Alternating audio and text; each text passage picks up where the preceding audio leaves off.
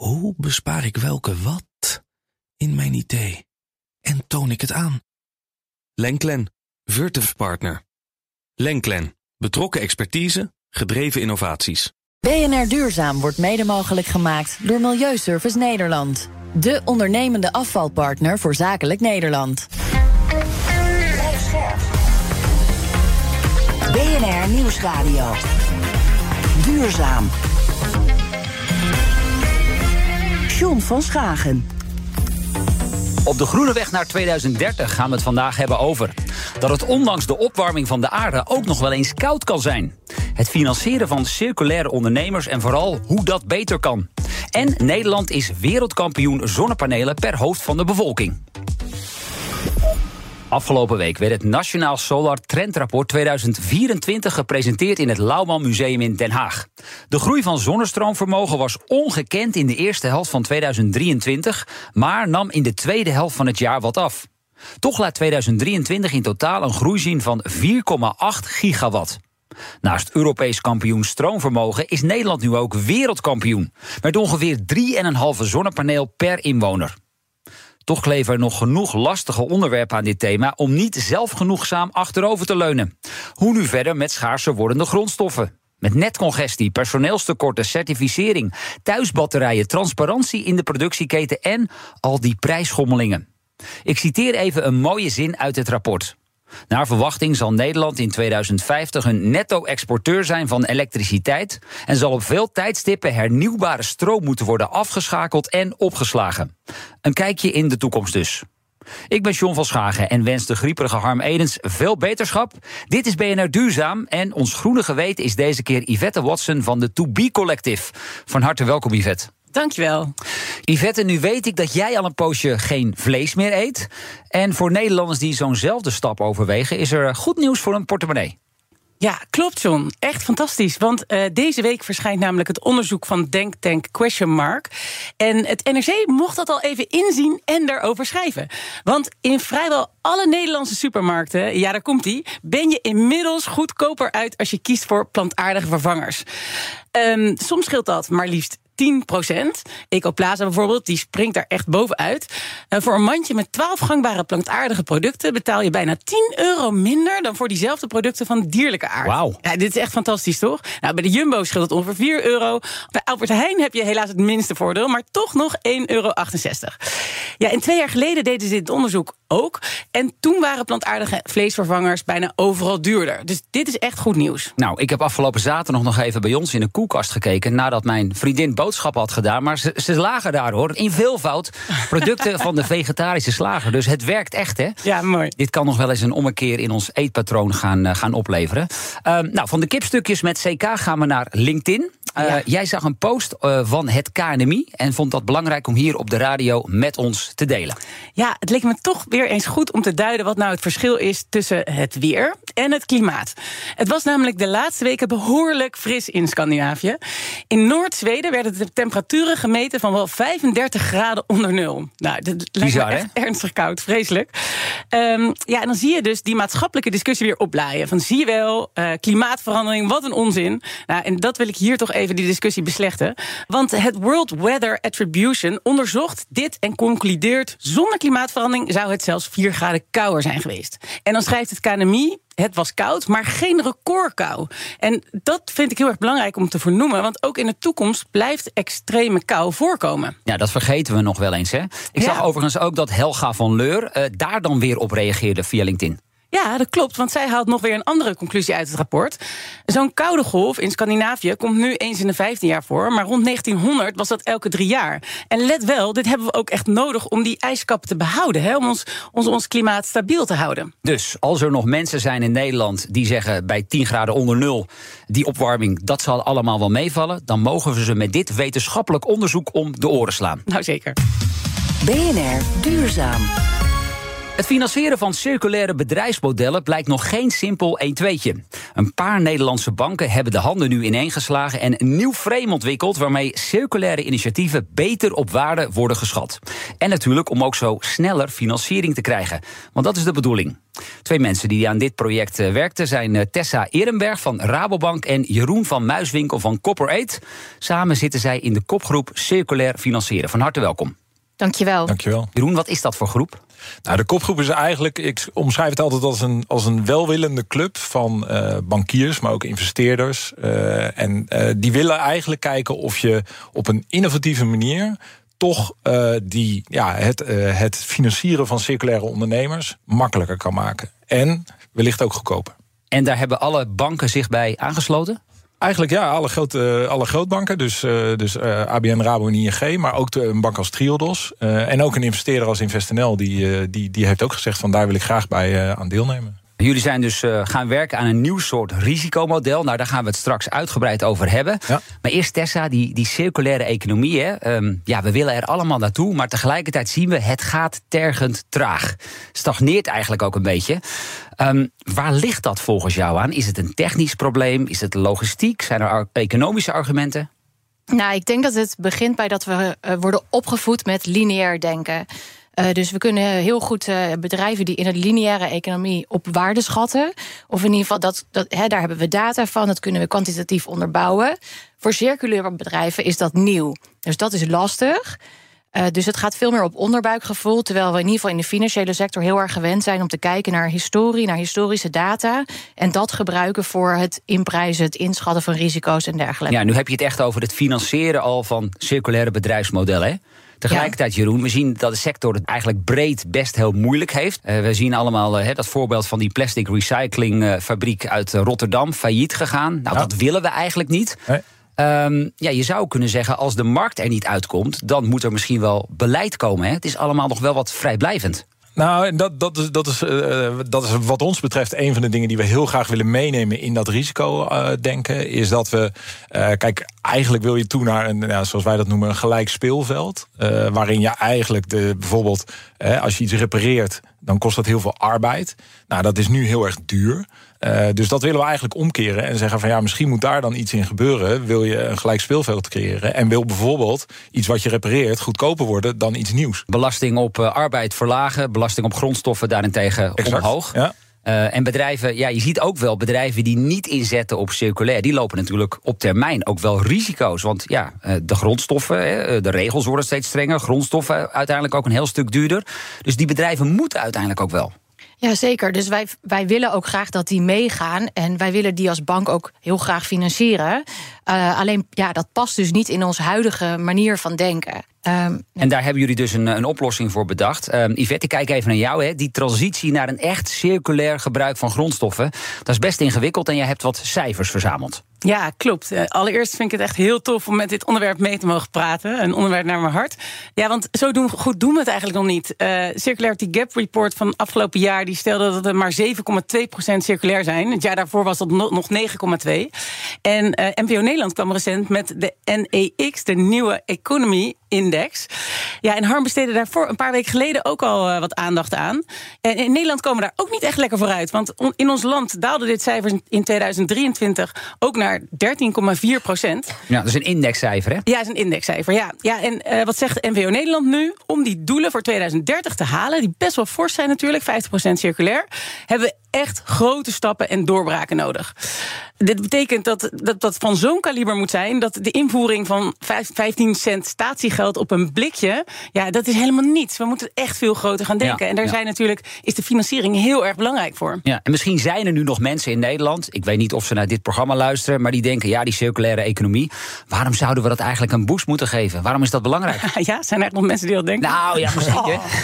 Leg het toch nog een keertje uit, Yvette. Nou, nou, waarom is dat nou zo belangrijk? Ik geef je twee hele belangrijke redenen. Zo'n 70% van alle CO2-uitstoot op aarde is het gevolg van winning en verwerking van grondstoffen. Dus het gaat hier om de producten die wij allemaal consumeren. Laat het even op je inwerken, 70% 70 Gigantisch. Ja, ongelooflijk. En het tweede punt is, dat, dat wat veel bedrijven zich denk ik nog niet realiseren, is dat het grondstoffentekort echt een heel groot probleem gaat Ja, worden. dit is het stokpaardje van Harm, hè? Ja, ja, ja. Te pas en te onpas roept die. Beseffen we ons wel dat dit een groot probleem gaat worden. Maar ja, veel bedrijven be- beseffen zich dat, dat denk ik ook niet. Want de komende 15 jaar raken zo'n ongeveer 50 essentiële grondstoffen op. En dan moet je ook bijvoorbeeld denken aan materialen die we nodig hebben voor de energietransitie. Zoals batterijen en zonnepanelen. Ja, dus het is echt heel belangrijk dat we veel meer gaan hergebruiken. Ja, en circulair financieren is daarin dus een heel belangrijke voorwaarde, Tessa. Waarom lukt het banken zoals Rabobank bijvoorbeeld nog niet om een circulair bedrijfsmodel van krediet te voorzien? Hè? Ik heb het over recycling, over reparatie, refurbishing. Nou, neem, neem dit geval van de, van de grondstoffen. In onze huidige risicomodellen, dus deze gebruiken we nou ja, eigenlijk om aan te kijken of we wel of niet eh, je willen accepteren als klant. Maar ook om de rente te bepalen die je als klant betaalt. Eh, iets als grondstoffen die opraken, dat zit niet in huidige modellen. Dus eigenlijk dat risico wat zo'n wat zo'n bedrijf loopt, wat echt een essentieel risico is, wordt op dit moment niet meegenomen. En dat is iets wat we juist met onze tool wel doen. Dus daarin gaan we juist wel kijken naar die circulaire elementen, zoals eh, grondstoffen die opraken, recycling, maar ook veel meer ketendenken, veel meer de, de, de afhankelijkheden van, van je partners voor het maken van je product. Die proberen we te kwantificeren met dit risicomodel. Nou ja, wij willen dat als bank gaan, gaan gebruiken om, om als een soort van schaduwmodel de risico's te gaan inschatten. Ook om af en toe de lineaire modellen eventueel te overrulen en zeggen: oké, misschien komt eruit, we moeten deze klant niet willen, maar vanuit circulair willen we dat juist wel. Ehm, dus zo willen wij hem heel graag gaan gebruiken om ook ons steentje bij te gaan dragen aan die circulaire economie. En dat noemen we met een mooi woord het Circular Risk Scorecard. Jeroen, ehm, ja, Tessa vertelt er net al wat Ja. over, maar leg nog even uit, hoe werkt dat dan in de praktijk? Nou, wat, wat, eigenlijk wat we eh, van tevoren hadden eh, te horen hadden gekregen is... eh, uiteindelijk is ons doel niet, is deze tool niet het einddoel. Het einddoel is uiteindelijk om circulair financieren de norm te maken in 2030... voor alle, alle financiële instellingen. En wat er eigenlijk, wat we merkten, is dat, nou wat Tess al zei... dat de circulariteit eigenlijk nog niet wordt meegenomen in de huidige risicomodellen. En dat je daar vijf tot zeven jaar data voor nodig hebt... om uiteindelijk die bestaande modellen, om die aan te passen. Nou, dat is exact wat we met deze tool willen doen. Is laten we nou die data gaan verzamelen. En uiteindelijk op basis van die data zeggen van... hé, hey, dan is er dus inderdaad zit er minder risico in die circulaire bedrijven... Op langere termijn, eh, wat jij al zei, eh, Yvette. Dus uiteindelijk willen we heel graag dat die lange termijn risico's beter ingeschat worden... eh, en dat we dat uiteindelijk gaan meenemen in de bestaande modellen. Ja, dus even stel dat je een, nou, een product as a service model hebt. Hè. Ik noem even eh, meubels in een abonnement. Ja. Ehm, dat komt dan beter uit de bus dan een bedrijf dat steeds nieuwe meubels laat maken. Moet ik het zo Exact. zien? Ja. dus er wordt bijvoorbeeld gekeken, wat Tessa al zei, naar de schaarste van grondstoffen. Maar er wordt ook gekeken naar de, de circulariteit van het product zelf. Dus is het modulair? eh, hè, is, kun je het uit elkaar halen? Kun je het makkelijk uit elkaar halen? Nou, we hadden het net over reparatie. Kun je het makkelijk repareren? Eh, wat voor grondstoffen zijn er gebruikt? Hè? Zijn het alleen maar nieuwe grondstoffen of zijn het ook hergebruikte grondstoffen? Ja, maar daarentegen die grondstoffen, hè, die noemen jullie al een aantal keer Ja. terecht. Ik hoor Yvette ook net zeggen, dat, dat is een probleem dat gaat enorm spelen. Ik voel alleen bij de ondernemers in Nederland nog niet echt de noodzaak. Nee, nee en dat, dat en, en is. bedrijfs, laten we eerlijk zijn, kijk, eh, op termijn is het wellicht een, een risico, maar eh, de meeste bedrijfsfinancieringen duren maar een jaar of vijf, zes. Ja. Dus in hoeverre neem je dat dan mee in je model? Ja, het grappige is, als, als, als, als wij bij onze opdrachtgevers eh, dit, dit gesprek hebben, dan, eh, dan merk je toch dat er twee dingen eigenlijk eh, best wel helpen. En dat, dat was bijvoorbeeld corona, of dat was dat schip wat in het Suezkanaal eh, dwars lag. Want wat je daar, daarmee merkte, is dat de leveringsbetrouwbaarheid of de leveringszekerheid, dat daar echt wel een deuk in kwam. Tweede wat we merken is, is eh, bij onze opdrachtgevers is dat ze ook heel erg zeggen van hé, hey, die prijzen die beginnen nu echt wel duur te worden. Nou, dat zijn twee dingen. Dat als nieuwe spullen dus duurder worden en hergebruikte spullen eh, die, worden, eh, die worden goedkoper, ja, dan, dan doet dat ook iets met bijvoorbeeld de betaalbaarheid. En dat, nou goed, dat is uiteindelijk wat we, wa- waarom, waarom ik in ieder geval persoonlijk denk dat circulariteit ook meer een lange termijn oplossing is. Ja, mooi. Ik heb, ik heb een vraag. Mag ik die eh, Ja, stellen? uiteraard, Ja. zeker. Ehm, eh, ik, ik vraag me af, ik hoor jullie ook duidelijk zeggen dat je eigenlijk data ook aan het verzamelen bent om ook risico's naar de toekomst toe eh, wat beter te kunnen duiden. En dat betekent misschien ook wel dat je het huidige economisch model, het lineaire model, daarmee ook wel op de schop kan gooien. Want daar krijg je ook een verhoogd risico uiteindelijk als we dit goed ja, meetbaar kunnen maken. Ja, ik denk dat dat uh, helemaal correct is. Uh, dus ik, ik denk dat een deel van, uh, van, de, van de economie is gerust op basis van historie, van oude data. Dus als wij nu data kunnen gaan verzamelen over circulair en dat eventueel op een gegeven moment kunnen gaan integreren met lineair, ja, dan, dan wordt het inderdaad het nieuwe, nieuwe normaal. Dus dat is inderdaad wel ons idee daarbij. Ja, fantastisch. Ja, we, we, hebben laatst met onze projectgroep hebben we hier ook de, de discussie over gehad. Hè. Wat zou nou een vervolg kunnen zijn en wat is leuk zo'n tool, maar hè, wat, wat ga je daarna doen? En mhm. een van de ideeën was om dan ook de portefeuilles van, van de banken te checken op lineaire risico's of, hè, en, en kansen vanuit circulariteit. Ja. Van hoe zitten die nou in, in, in de bestaande leningen? Dus niet in de nieuwe leningen, maar ook in de bestaande leningen. Ja, nou, dat lijkt mij heel interessant. BNR Nieuwsradio. Duurzaam.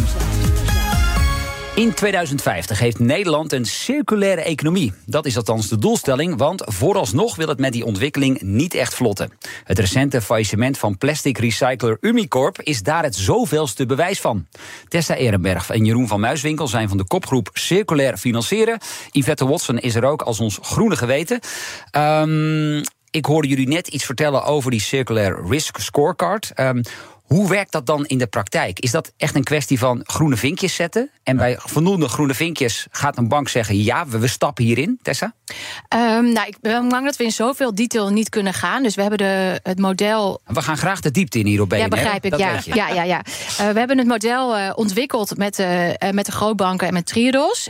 dus, en we stellen hem ook open source ter beschikking.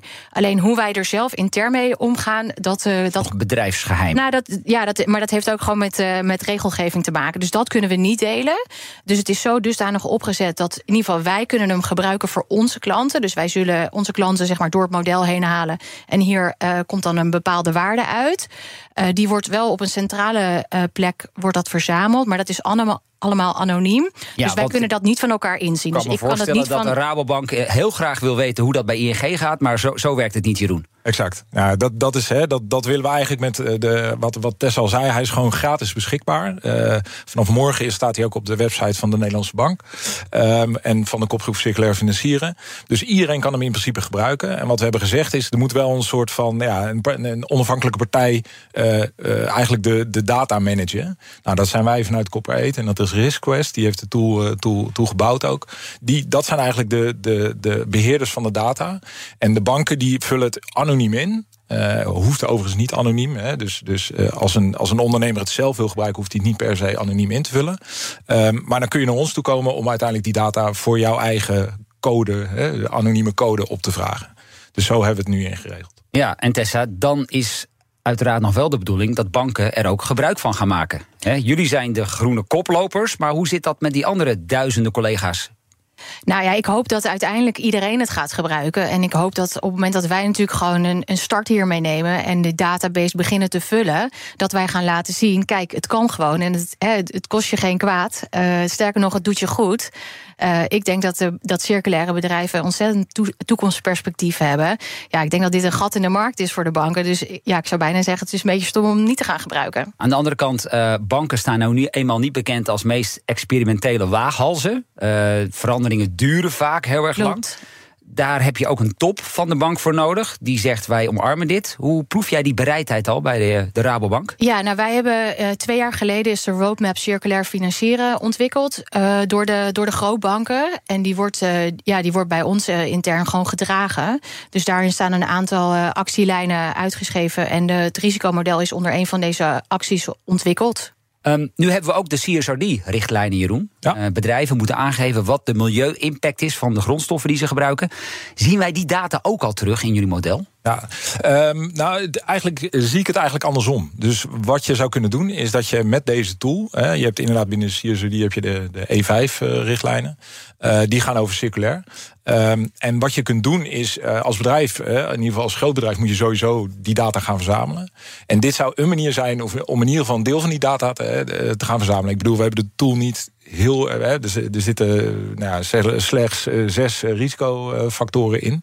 Um, dus het, zijn, het zal niet uh, geelomvattend zijn. Maar je kunt in ieder geval een deel van je data die je nodig hebt voor de CSRD. kun je met dit model kun je dit eigenlijk, ja, eigenlijk op opbouwen. Ja, ja, want ik denk dat het ook heel leuk is dat het voor ondernemers is deze tool ook te gebruiken. Dus voor ons als bank is het heel fijn om een risico-inschatting te maken. Maar voor een ondernemer is het ook heel leuk. Want als zij deze tool gebruiken, dan weten zij eigenlijk al: oh, maar zo gaat een bank mij dus beoordelen. Dus voor een ondernemer, voordat hij eventuele financieringsaanvraag doet, ja, neem die tool door. No, en dan weet je wat een bank van jou gaat vragen. Dat is de ideale wereld hè, die jij daar schetst. Maar Ja. hoe lang gaat dat nog duren? Want Nou, op ja. dit moment, de realiteit is dat heel veel circulaire businessmodellen het gewoon heel lastig hebben om financiering te krijgen. Ja, dat klopt. Maar ik hoop dus dat het. Ja, goed, het is helaas een, eh, een, een pad die we moeten gaan bewandelen.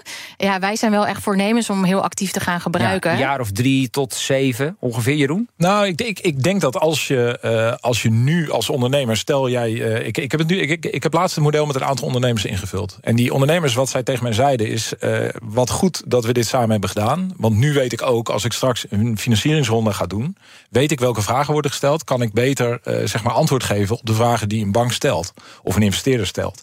Dus uiteindelijk hoop ik dat het nu al gaat helpen om die circu- eh, circulaire ondernemers eigenlijk ook een soort van op te leiden in het van hoe denkt een bank en hoe kan ik eigenlijk beter inspelen op de behoeften van een bank of een investeerder. Ja, dus, dit is een prachtig gremium waar dit ook even verteld wordt. Dus alle ondernemers, let op. Eh, morgen wordt die gepubliceerd eh, op de website van De Nederlandse bank. de Nederlandse Ja. Bank. Download hem en ga er ook al vanuit je eigen businessmodellen naar kijken. Ja. Nou, het grappige, hij, hij staat gewoon online. Dus je kunt, eh, je kunt hem gewoon invullen. Je hoeft hem niet eens te downloaden. mooi. dus dat scheelt. maar nee, dus hij, hij, hij staat online. Dus je kunt hem gewoon invullen. En uiteindelijk krijg je ook gewoon, kun je er bij wijze van spreken ook de resultaten meteen, krijg je meteen. En je krijgt, krijgt dus uiteindelijk een score tussen 0 en 100. En 0 is uiteindelijk, eh, dat is een beetje het typische risico denken. 0 is een laag risico, dus eigenlijk een hele goede score. En eh 100 is een hoog risico, dus een hele, ja, hè, veel risico. Dus eigenlijk een slechte score. En eh, vaak hebben we het, als we het hebben over circulaire economie, vaak over recyclen, over echt die fysieke grondstoffen die door onze economie heen gaan. Heroverwegen, dingen niet doen, dat is natuurlijk ook een hele belangrijke, ja. Ja. heel belangrijk element in de circulaire economie. in hoeverre dat is de dit- olifant in de kamer, denk ik. Ja, precies. Nou, misschien Ja. wel, ja. ja. Wordt dat meegenomen? Ja, een van de vragen die wordt gesteld is: ehm, eh, in hoeverre wat is de circulariteit van het product? Ehm, en daar zit een vraag in over het ontwerp, het design van het product. En daar zit inderdaad, wordt inderdaad in meegenomen van ja, heb je ook dingen niet gedaan? Hè? Of heb je dingen niet meegenomen? Of, of maak je een product met minder grondstoffen dan dat het origineel zou zijn? Ja. Dus daar, daar, is, het in, eh, daar is het in meegenomen. Tessa Ehrenberg en eh, Jeroen van Muiswinkel van de kopgroep Circulair Financieren. Dank jullie wel dat jullie hier waren. En Yvette uiteraard ook. Veel dank. Ja, Volgens mij het was hebben, een heerlijke hebben we aflevering. het geneeld hè, zonder harm. Absoluut. Ja, Harm, heel veel beterschap. Ik hoop dat Wetenschap. je thuis Ja. meeluistert. Goed, ehm, dan nog even dit. Yvette noemde het zojuist al. Grondstoffen. Ja, onze economie mag je gerust verslaafd noemen. We moeten minderen en we moeten veel meer gaan hergebruiken, zegt Harmo continu. In mei vorig jaar maakten we hier nog een aflevering over met hoogleraar René Klein. De energietransitie draait om grondstoffen. Luistertip. Zullen we even, want jij bent een rasoptimist, merk ik. Nee, dat vind ik ook wel eens fijn in het programma. Ehm zullen we eens even een, een, een, een top vijfje van dingen die echt, echt schaars worden? Of misschien wel, toch wel een beetje opraken? Waar ik me het meest zorgen over maak is koper. Eh, omdat koper is iets wat je eigenlijk overal nodig hebt. Ehm, eh, je ziet dat grote mijnen zoals die in Chili staan, zeg maar, daarvan eh, eh, loopt de, de, de, de opbrengst af.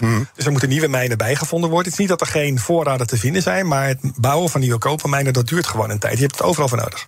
Dit was BNR Duurzaam, de groene weg naar 2030. Laten we die met z'n allen nemen en een beetje doorlopen graag. De tijd van treuzelen is voorbij. BNR Duurzaam wordt mede mogelijk gemaakt door Milieuservice Nederland. De ondernemende afvalpartner voor zakelijk Nederland. Gloednieuw. Hoe bespaar ik welke wat in mijn idee? En toon ik het aan? Lenklen, Virtuf Partner. Lenklen, betrokken expertise, gedreven innovaties.